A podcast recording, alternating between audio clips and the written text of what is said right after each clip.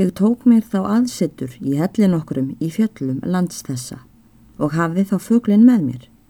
Og er færi gaf nam ég svoniðar á burt á samt hirðmegjónum sem gættu hans. Hirðmegjarnar sendi ég til Saxlands og hjálpaði dvergurinn mér til að koma þeim þángað með hægum móti. Og fekk ég fyrir aðstóð vina minna stilt svo til að þær örðu hirðmegar drottningarinnar þar og áttu að hafa nákvæma gátt á öllu atverðli hennar en segja mér síðan frá. Þær eru þar nú enn í dag en svon yðar ól ég upp í hellinum til þess að hæna að sér fugglin og kenna honum að nefna nafn sitt. Þetta tókst og eftir langa mæfu og ég nú fljótt yfir sögu.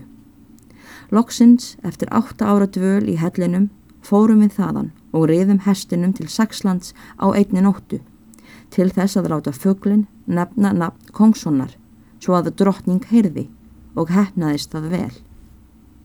Nú er kongsdótturinn úr álögunum og er hinn fríðasta mær en drottningin sem var reglulega tröllskessa er dauð með öllu sínu hiski og gerðist það í hinnum miklu brestum og dönum er heyrðust í gerðmorgun. En svoniðar er nú komin hér aftur, eins og ég gaf yfir góða von um, viku síðar en hann kvarf. Og byrð ég yfir nú fyrirgefningar á þeim harmi er ég hlaut að baka yfir með sonarkvarfinu. Öðruvísi var mér ekki hægt að breyta svo framarlega sem ég vildi duga álfdísi kongsdóttur og leysa hana úr álögunum. Nú þagnaði vermundur, mælti Hannes, og fannst mönnu mikið til sögu hans og þótti konginum hann hafa átt úr vöndu að ráða og lofuðu allir ráðsnilli hans og þolgæfi. Kongur og drottning vottuðu honum þökk sína fyrir það góðverk, er són þeirra varð meðal í hendi hans til að framkvæma þótt að bakaði þeim sorg í svipin. En Kongsson var með allan hugan þar sem Áldís var, hinn undurfriða Kongsdóttir, er hann hafi leist úr álögunum, en þó séð aðeins í svip. En svo mikið hafði hann séð að hann gata ekki um annað hugsað en þessa Kongsdóttur. Hann let brátt uppi við fóröldra sína, þann vilja sinn, að hann vildi fara til Saxlands og byggja hennar og eiga enga konu aðra og lefðu þau honum það fúslega. Síðan fóru þeirri vermundur eftir fárva daga dvöl í kongsöllunni og riðu faksa til Saxlands og á fund kongs. Sagði vermundur honum hvar komið var með dráp tröllanna og var þá sem þungum steini létti af konginum og hyrðhans, enda örðu allir þeim tíðundum feignir. Helgi Kongsson varð ástfóngin af Álfdísi Kongsdóttur og hóf bónorðið til hennar og var það auðsótt til föður hennar. Var þá sleið upp að brúðköpsveislu með henni mestu dýrð og var gleði mikil og skorti þar ekki ljúfengan drikk. Að lokinni veislu voru mönnum gefnar gjafir og fór margur sá ríkur er komið hafði fátækur en er hinn ungu hjón gengu til Svefnherbergis, fundu þau þar dýrar brúðargjafir úr gulli og gimsteinum, engum kvenskart svo ágætt að slíkt hafði ekki séð verið fyrr í heimi. Sömuleiðis herrklæði svo fögur að ljóma lagði af og sverð gullrekið, er hvort tvekja var ætlað kongsinni. Engin vissi hver þessar gjafir hafði gefið en Helgi Kongsson kannadist við sömu gripina sem hann hafði séð í hýbílum dvergsins og hugðu ungu hjónin að gjafir þessar myndu vera honum að þakka. Skömmu setna dó kongurinn, tengdafaðir Helga og var þá orðin gamal mjög. Settist Helgi þá að ríkinu með drottningu sinni og varða vermundur aðstir áðgjafi hans og laukn og Hannes sögu sinni með þessum orðum. Önnustu bæði vel og lengi, áttu börn og böru, grófu rætur og möru, smérið rann, róðið brann, sagan upp á hvern mann sem hlýða kann, brenni þeim í kolli bön sem ekki gjalda mér söguleun, fyrir í dag en á morgun. Köttur út á mýri, sett upp á sér stýri, úti er ævintýri. Hannes þagnaði nú, en Björg rak honum rempingskoss fyrir söguna og mælti.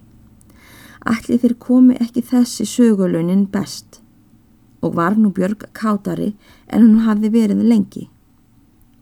Síðan þakkaði hitt fólkið Hannes í söguna með virktum.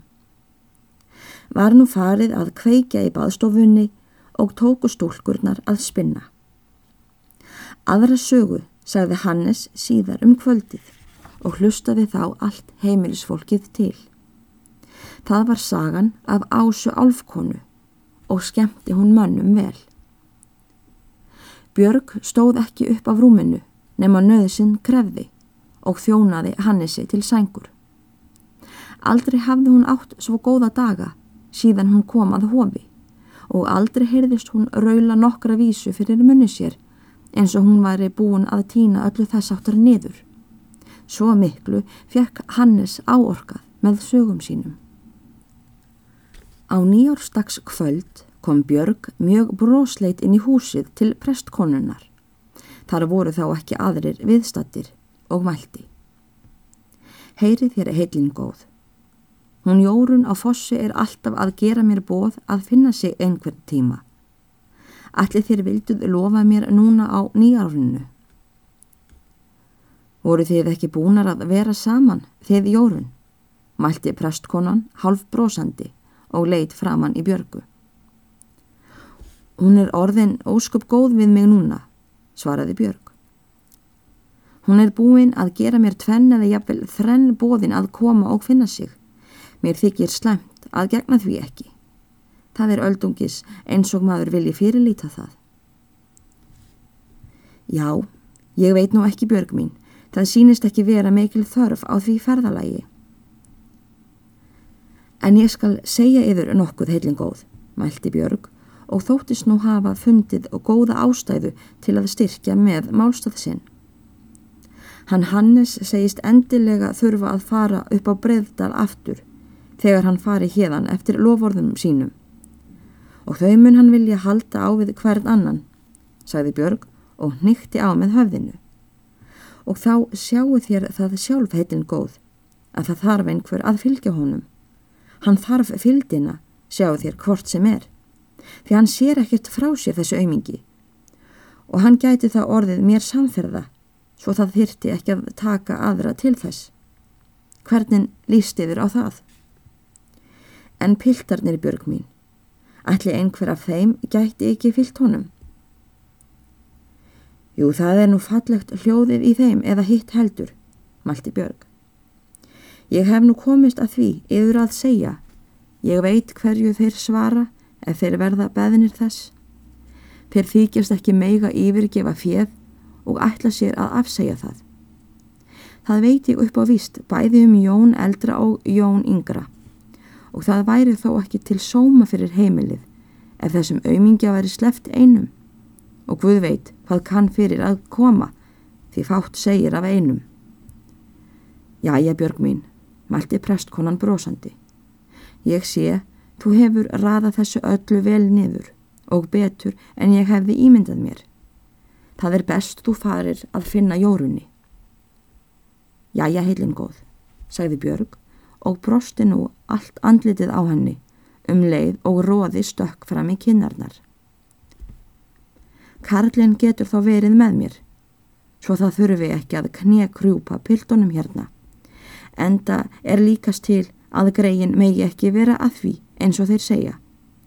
En hvað ég vildi segja, heilin góð, ætli ég mætti vera lengi. Það er best þú fáir að vera tvær nætur í burtu, svaraði prestkonan. En svo leiði ég þér ekki tíðara í vetur. Nú, sagði Björg dræmt og fór nú af henni allt brós. Síðan bætti hún við eftir nokkra þögn. Hún gutta á hálsi sagðist orðalöst hafa fengið að vera þrjár orlofsnæturnar þegar hún var á ferðinni. Það kemur mér ekki við, svaraði prestkonan. Þú færð ekki að vera fleiri en tvær eins og ég hef sagt. En hvað ég vildi segja? Allar Hannes á morgun. Svo segir hann, ef ekki er meira til að þæfa, sagði Björg nokkuð döflega. Það er nú ekki, malti prestkonan. Hann er búin með það sem til er núna. Það sem Björg var orðin léttbrín áður, það aflagaðist nú heldur við það er hún fretti að hún hlaut að vera einni nótt skemur í orðlofinu en gutta. Því að hún hafði fastlega búist við þremur orlofsnóttum og ekki var hún hýr í bræði þegar hún gekk fram á dyrunum og mælti um leið. Það er betra að gæta sín með að hafa til matin í tíma handa honum Hannesi í fyrirmálið.